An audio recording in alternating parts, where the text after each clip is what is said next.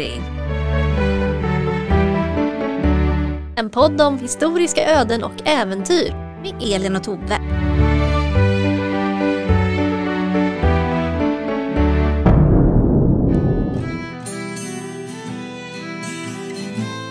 Tove?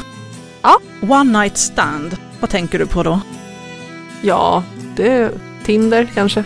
Ja, ja men nu för tiden är det ju så. Jag har inte hittat några färska uppgifter. Den färskaste jag hittade är från 2011. Och då uppgav 25 procent av män och nästan lika många kvinnor att de haft ett one night stand under det senaste året. Okej. Men idag med, med datingappar, Tinder som du nämner här till exempel, kan jag inte tänka mig annat än siffran är betydligt högre. Det, det måste det ju vara. Ja, Det måste det ju vara. Men höll inte staten på att skulle kartlägga folks eh, antal ligg och så för några år sedan och folk bara, fast det här är ju jättekonstigt. Okej det missade jag helt. Ja, det, jag vet inte om det blev någonting av det, men det var på förslag i alla fall. Okej, ja, wow. Jag är lite old school, jag tycker att, att datingappar är fusk. Ett riktigt one night stand ska föregås av ett besök på någon sunkig krog eller en medioker nattklubb, möjligtvis en regnig och lerig festival, men ja, det är Mm, jag. Jag har dessutom varit eh, gift och monogam i 20 år, så jag har förmodligen ingenting att säga till om alls i det här. Strunt i det. One night stands, eller krogragg, eller kalla det vad du vill, är ju naturligtvis inget nytt. Nej, nej, nej, gud nej. Precis som de allra flesta mänskliga beteenden har det här troligen alltid förekommit på ett eller annat sätt genom historien. Inte minst om vi betraktar prostitution som one night stands. Alltså det är det här ett Hertig Karl-avsnitt. Nej, faktiskt inte. Nej men alltså det är ju inget nytt under solen. Skillnaderna i tid och rum handlar snarare om hur vi som samhälle har valt att betrakta tillfälliga sexuella relationer. Mm. Och det kan man ju förstås säga väldigt, väldigt mycket om, särskilt ur perspektiv som kön och genus. Men idag så blir det inget fågelperspektiv alls, utan istället ska vi zooma in så långt vi nästan kan komma. Vi ska nämligen titta så nära som källorna tillåter på, på just ett krogragg i Stockholm anno 1619. Jag är intrigued. Men det här krogragget fick betydligt mer ödesdigra följder än en pinsam frukost morgonen efter eller ett besök på RFSU-kliniken några veckor senare. Jag tänkte säga det, en liten antibiotikakur. Mm. Mm. Den händelse som det här avsnittet kretsar om står beskriven i en av Stockholms tänkeböcker. Och om någon behöver en uppfräschning av minnet vad en tänkebok är för någonting. Vad, är- vad är en tänkebok, Elin? Kan du... Nej men så här.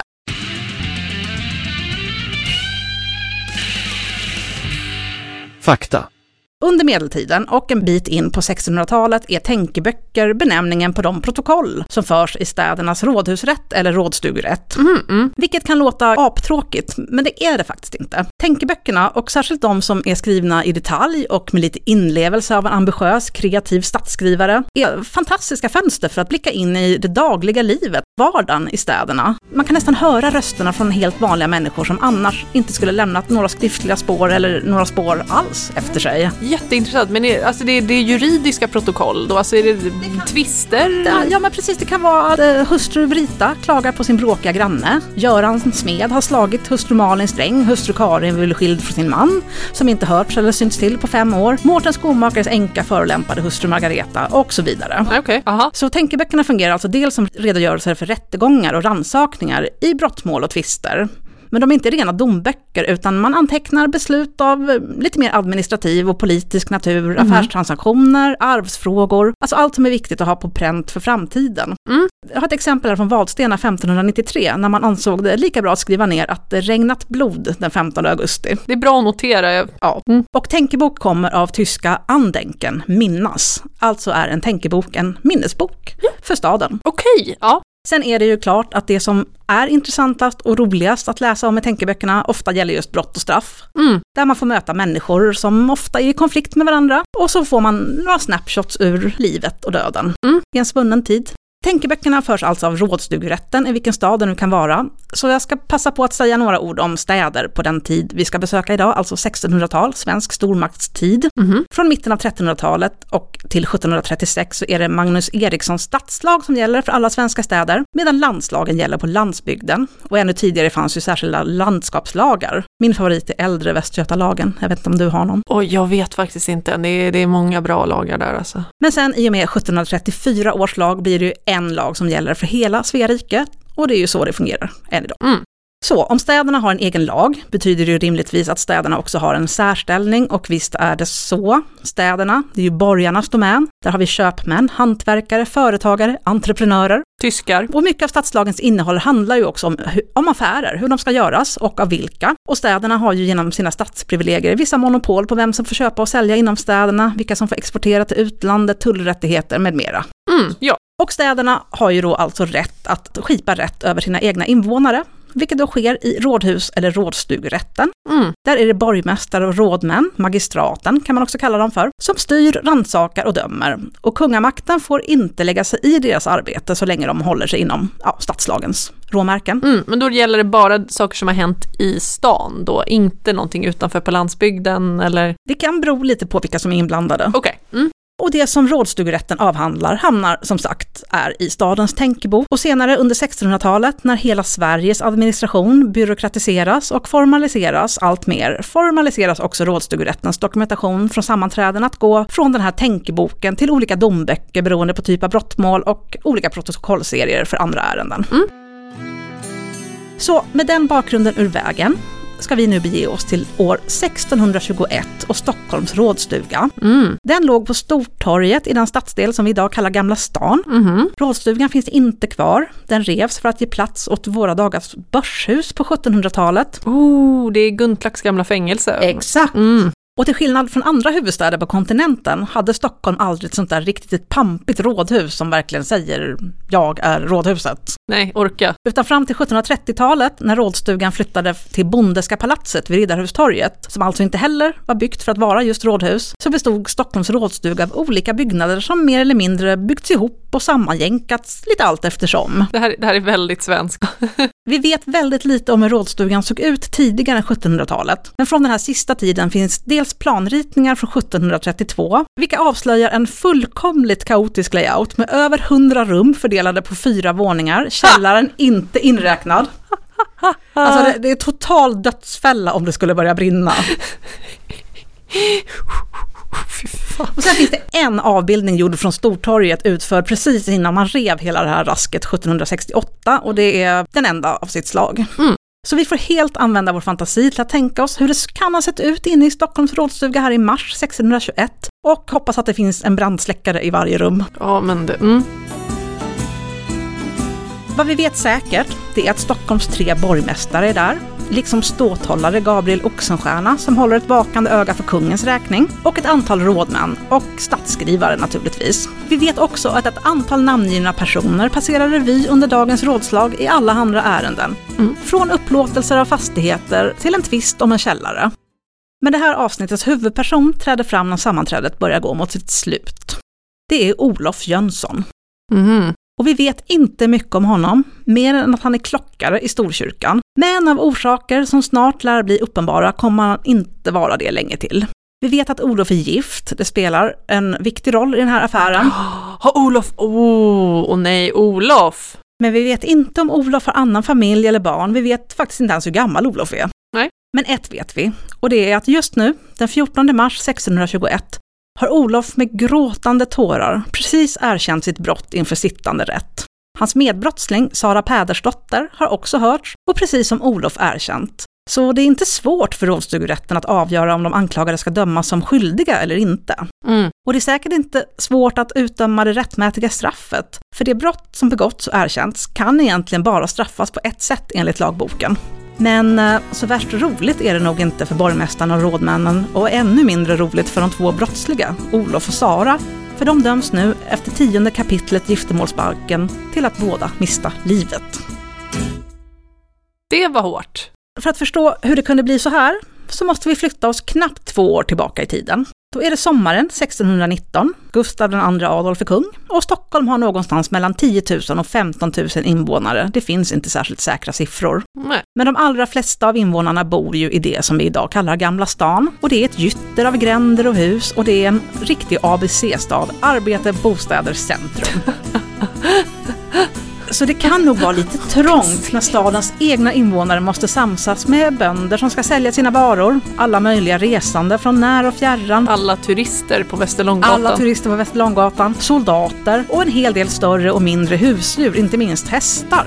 Ska rymmas på den här lilla ön. Säkert är det ganska svårt att hålla riktigt rent och snyggt med så mycket folk och fä på en sån liten plats. Och på sommartiden, som det är nu då, 1619, luktar det förmodligen mindre trevligt i trånga gränder med surrande flugor och obefintliga avloppssystem. Ja, oh. Men som tur är så är ju Gamla stan omgiven av i första hand vatten och därefter mer eller mindre lantlig idyll. Mm. De södra och norra Malmarna, för att inte tala om det som vi idag kallar Kungsholmen, är än så länge väldigt sparsamt bebyggda. Mm. Så man behöver inte gå långt utanför staden mellan broarna innan man är på landet. Så man kan andas alltså. Och en sån riktigt arkadisk idyll, det är rullstensåsen Brunkeberg som på 1600-talets början fortfarande reser sig som en brant drakrygg rakt genom nuvarande Norrmalm. Mm. Här kommer senare stadens vårtorn att resas, men annars är bebyggelsen på åsen begränsad ja, till en och annan väderkvarn och någon enstaka gård. Mm. Mm. En av de gårdarna hittar Olof Jönsson klockare fram till denna sommardag 1619. Han har njutit av en spatsertur här uppe på Brunkeberg, långt ifrån stadens larm och trängsel. Men solen skiner varmt så promenaden har också gjort honom törstig. Mhm, mm. Han tänker, det skulle vara riktigt gott med ett stort svalkande öl. Ja, det brukar man tänka Olof Ja. när man är ute och går mitt i sommaren. ja, ja, ja. ja. ja men det är, det är relaterbart content i den här podden. Absolut. Ja. Men vilken tur Olof har då. Mm. Just idag säljer Daniel Povelsson öl från sin gård. Och Olof Jönsson Klockare är inte den första som har hittat dit. Det är gårdsförsäljning här alltså. Ja, Mm. med största sannolikhet är den här Daniel Povelsson ingen krögare, men i det tidigmoderna Sverige så är det inte ovanligt att vem som helst som kan och vill tjäna lite extra pengar passar på att sälja både mat, öl och brännvin åt någon som är sugen och direkt från sitt eget hem. Mm. Har han liksom en uteservering? Det här är ju på sommaren och en gård, så förmodligen har han en liten uteservering, en Alltså, Biergarten. Det här låter ju hur gött som helst. Sitta där hos Povel. Nej men Olof Jönsson Klockare är inte nödvärd. Mm. Så han går in i Del Povelssons storstuga. Mm. Han måste säkert blinka lite för att få ögonen att vänja sig vid mörkret inne i stugan efter att ha kommit direkt från det skarpa solskenet. Mm. Men snart så ser han att tre kvinnor redan sitter där inne. Utmärkt. Olof frågar om någon av dem kan hämta ett stort öl till honom och han blir genast hörsammad. Det är bra Mm. service här. Mm. Olof får sitt stort med öl, vilket då motsvarar 1,3 liter. Okej. Ja, sen rullar han hela vägen hem. Nej då, han dricker det här med största välbehag. Mm. Och så suckar han nöjt, det där satt ju riktigt fint. Mm. Och han börjar fundera lite. Behöver han verkligen ha så bråttom tillbaka till stan? Han ska inte ringa i Storkyrkans klockor mer idag. Och det är ju så skönt att stilla här uppe på åsen. Mm. Och de där tre kvinnorna, de verkar väldigt trevliga. Särskilt en av dem. Hon har tittat särskilt vänligt på Olof och fnissat och blinkat när han råkat se åt hennes håll. Det har han faktiskt märkt, även fast han inte låtsats om det. Mm. Mm. Ja, kanske att han nickade tillbaka någon gång. I all vänskaplighet. För trots att han är en stadgad gift man så kan man ju inte låta bli att känna sig lite smickrad. Ja, ja men hon, hon, hon tittade på honom, kanske log hon också. Det är en tydlig invit. Det är inget ont i det, för han har absolut inga tankar på någonting mer äventyrligt än så. Mm. Nej, Olof bestämmer sig. Han vill ha lite mer öl i sig innan han traskar ner för den branta åsen och hem. Det låter som ett jättebra recept. Han ber om ett stop till. Okej. Nej förresten, han ska ta en hel kanna öl. Alltså 2,6 liter. Nej, Olof, Olof, okej. Mm. Ja, ja. Nej men nu börjar han bli på riktigt gott humör. ja, men det här motsvarar ju, vad blir det, sju öl har han snart haft i sig om, Mm. om man dricker 05 år eller? Den här kvinnan som flörtat med honom kommer fram och frågar om hon får göra honom sällskap. Ah, Då har han inte riktigt hjärta att avspisa henne. Nej. För hon är ju så vänskaplig och trevlig på alla sätt och vis. Mm. Olof blir nästan generad över all uppmärksamhet hon öser över honom. Men han är också ganska belåten och anmärker för sig själv att det är ju tur att hans hustru inte är där. Men allt är ju bara helt oskyldigt. Och det hans hustru inte vet har hon ju inget ont av, eller hur? Ja, wow. Mm. Olof och Sara, som hans nya bekantskap heter, skålar med varandra flera gånger. Och efter en stund märker Olof att han är nog inte längre helt nykter. Men när den här kannan är utdrucken har han ännu mindre lust att gå hem, just nu när det börjar bli roligt. Ja. Nej, Olof, det är nu du ska sluta dricka. Nej, han beställer in en kanna till och han och Sara tömmer den också. Åh herregud. Ja. Totalt har Olof nu köpt 6,5 liter öl. Ja. Även om man inte har druckit allt själv och även om vi inte vet hur starkt ölet är, Nej. så är den nakna sanningen att Olof Jönsson Klockare nu är asfull. Jo, det brukar man bli av 6,5 liter öl. Hans minnen kommer förståeligt nog att vara tämligen luddiga. Men någon gång mellan Olof och Sara drack den där andra kannan öl började saker och ting gå alldeles överstyr. Okej. Mm. Vad som börjat som en helt oskyldig flört blir mer och mer handgriplig. Och Olof, som ändå är en gift man, Mm. gör ingenting för att avstyra den, tvärtom. Nej, Olof, skärp dig. Hans minnesbilder är som sagt vaga, men han vet att han och Sara strax efter att de tömt den där andra ödesdigra kannan gått in i den mindre stugan, där det kanske eller kanske inte finns en säng. Men oavsett så har Olof i alla fall försökt att, med tänkebokens uttryck, göra Sara sin tjänst. Det, det är det jag tänker, hur, hur kunde han prestera när han hade druckit sex liter öl? Nej, det är väl så att det kanske inte riktigt går hela vägen som det brukar bli när man haft lite för mycket att dricka. Men Olof vet faktiskt inte helt säkert. Nej, okej. Mm. På något sätt tar han sig hem och vaknar förmodligen nästa dag med en ruskig baksmälla. Mm. Som säkert inte blir lättare av den skamfyllda ånger som överfaller honom när minnesbilderna av gårdagen börjar smyga sig på. Sådär Ja, nej. bitvis, flashbacks. Det här var inte bra, Olof. Nej, och Olof vet ju mycket väl att han har begått en oerhört svår synd. Mm. Men han ångrar den verkligen av hjärtat. Och om nu ingen annan än han och Sara känner till vad som hänt, då är det väl lika bra att det hela tigs ihjäl. Okej, ja, med tanke på att det är olagligt det han har gjort så kanske. Ja, men ingen riktig skada är ju skedd, mer än att Olofs samvete ömmar. Men det är ju något när han kissar. Men det ska inte upprepas, det lovar Olof sig själv och det löftet håller han. Han kommer tillbaka till Daniel Povelssons gård vid åtminstone tre olika tillfällen nästföljande åren. Men när Mm. Sara är där så låtsas de inte om varandra, har aldrig mer någonting med varandra att göra. Okej, så de har någon slags tyst överenskommelse bara. Hon kanske också skäms. Olof känner sig i alla fall fortfarande skamsen och skyldig, Mm. men också lättad över att han verkar kommit undan med det här brottet i blotta förskräckelsen. Mm. Och livet fortsätter i sin vanliga gamla lunk. Ja, Ända tills något händer. okej. Eller snarare tills någon börjar prata. Aj då. Vi känner inte till förloppet, eller varför det dröjer nästan två år efter att brottet begicks. Men rätt vad det är träder ett vittne till Olof och Saras brottslighet fram Va? och vill lätta sitt hjärta. Men va, va, vem är du och vad har du med det här att göra? Ja, det är faktiskt inte vem som helst. Det är mästermannens kona, alltså bödans kvinna. Var hon där? Det här var inte så bra, Olof. Nej, bödans kvinna är helt namnlös i tänkeboken och vi vet faktiskt inte ens vem som är böd eller Stockholm under just den här perioden. Och än mindre vet vi varför hon nu helt plötsligt vill lägga det här brottet i dagen. Men jag har faktiskt en teori här. Okej. Ja, det, det här är min teori. Mhm. Vi måste ju påminna oss om att böden, det är en fruktad, men också djupt föraktad figur här i det tidiga 1600-talet. Oh ja. Så det faller sig ju naturligt att det här föraktet spiller ju över på hans närmaste. Ja. Så min ur luften tagna teori är att Olof Jönsson Klockare eller Sada Pädersdotter på något vis förolämpade mästermannens kona, helt vissa i tron att det inte kunde ha några som helst följder att ringakta en så lågt stående person. Nej. Nej, vi, vi får faktiskt inte veta varför det blir så här. Mm. Men tydligen var den här namnlösa bödelskvinnan närvarande på Daniel Povelssons gård på Brunkeberg den där sommardagen Åh 1619. jäklar. och hennes ord måste i alla fall varit värt något inför Stockholms rådsugerätt, för det är just det som drar fram Olof och Saras skam i ljuset nästan två år senare. Oj. Så vi går tillbaka till rådstugan den 14 mars 1621, där Olof och Sara då precis dömts till döden för att ha haft sex. Och dåligt sex till råga på allt. Ja, jo, det ja. Sara beskriver det så här att Olof skulle lagt sig henne och beställde sitt ärende allenast en gång, och illa var det. Sara. ja, ja, ja, men, det, det, men det, kunde, det kunde man gissa. Han hade druckit sex liter öl. Han kan inte prestera så bra då tror jag. Dödsstraff dåligt sex kan ju låta lite väl hårt, men det är precis vad lagen medger. Mhm. I alla fall sedan 1608, när den då regerande kungen, Karl IX, tyckte att de här mesiga gamla lagarna borde skärpas till med en rejäl gammaltestamentlig uppgradering.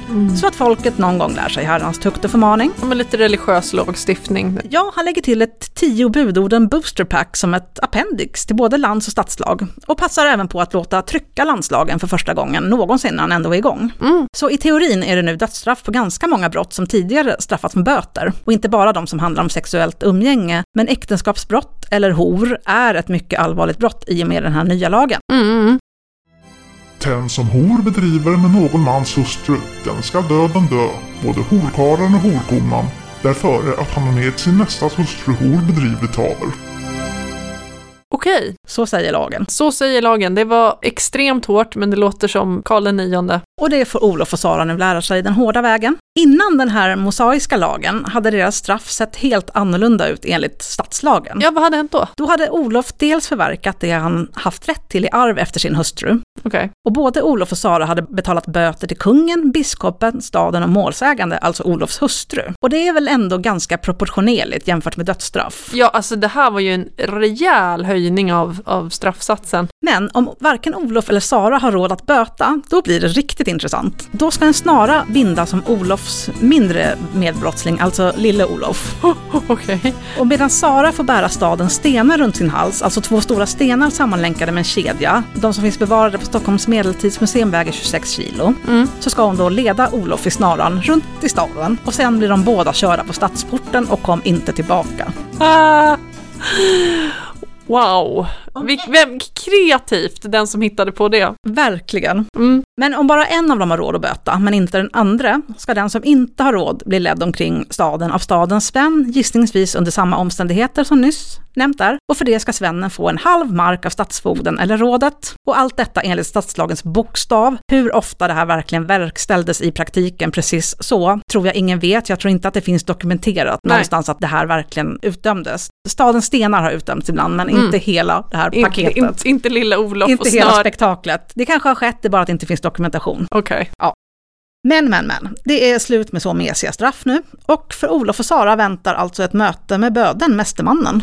Så alltså karn till den här kvinnan då. Ja. Mm. Men riktigt så tragiskt slut får faktiskt inte den här historien. Vilken tur. Alltså all forskning visar ju på att högre straff leder inte till minskad brottslighet. Mhm. Och så var det redan i det tidiga 1600-talets Sverige. Folk fortsatte som de gjort innan och hade alla de här dödsdomarna som domstolarna plötsligt blivit tvungna att dela ut som karameller verkligen verkställt så hade Sveriges befolkningsprognos börjat se riktigt dyster ut efter ett Ja, tag. jo, jo, oj, oj. Och antagligen hade Karl IX också det här på känn. Så förutom att införa sitt mosaiska boosterpack beslutade han också att alla dödsdomar måste bekräftas och fastställas av kungligt majestät innan de verkställs. Mm, mm, Sen kommer den här nyinrättade hovrätten få samma funktion. mm. Så i praktiken verkställs därför långt ifrån alla dödsdomar som avkunnas. Okej.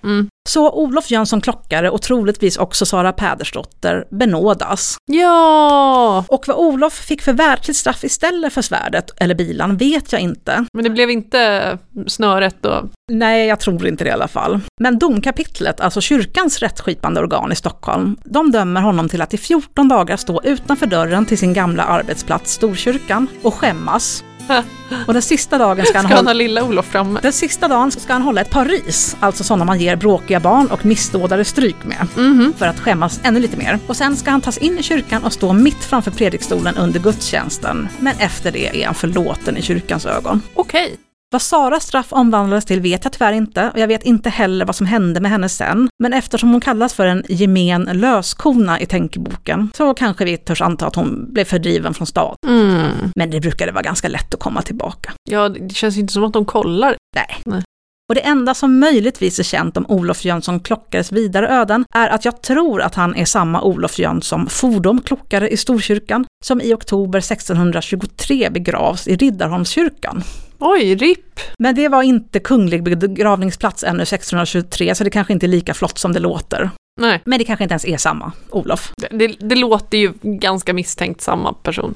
Men det allra längsta straffet för både Sara och Olof får väl ändå anses vara att vi fortfarande pratar om deras fyllesex 400 år senare. Ja, jo det gör vi. Och det var inte ens bra. Nej. Utomäktenskapligt sex fortsätter ju att vara brottsligt även i 1734 års lag och Mm. i lång tid framåt. Mm. Först 1864 upphör sexuella relationer mellan ogifta personer att vara brottsliga, medan äktenskapsbrott fortfarande räknas som ett brott Mm. i lagens mening. Mhm. Och då pratar vi dels om enkelt hor, alltså där den ena personen är gift, eller dubbelt hor, där båda är gifta fast inte med varandra. Okej. Och ogift part straffas med böter och gift part med böter och fängelse. I alla fall på pappret. Mm. Med tiden åtalas i princip ingen längre för horsbrott och så småningom försvinner hor ur Svea rikes lag helt. Så om du fick gissa, när tror du att hor upphör att vara brottsligt och straffbart? Oj. Ehm, jag skulle säga 1954. Oj, du var ännu mer konservativ än, lagen. För det är faktiskt med 1937 års strafflag som okej. Mm. både böter och fängelsestraff Mm. försvinner för hor. Okej. Och allt det här blev egentligen en oavsiktlig teaser, för vi kommer återkomma just till äktenskapsbrott och dess rättsliga följder lite senare den här säsongen, fast i en annan tid och på en annan plats. Oh, det blir Ja. spännande. Och där tackar vi för att ni lyssnat på Lappri den här kvällen och eh, ta hand om varandra, använd skydd. Hej då! Hej då! Ni har lyssnat på Lappri, en podd om historiska öden och äventyr. Vi som har gjort podden heter Elin och Tove. Ni kan följa oss på Instagram på lappripodd, besöka oss på lappripodd.se och om vi hade väldigt fel kan ni mejla oss på lappripodd.gmail.com.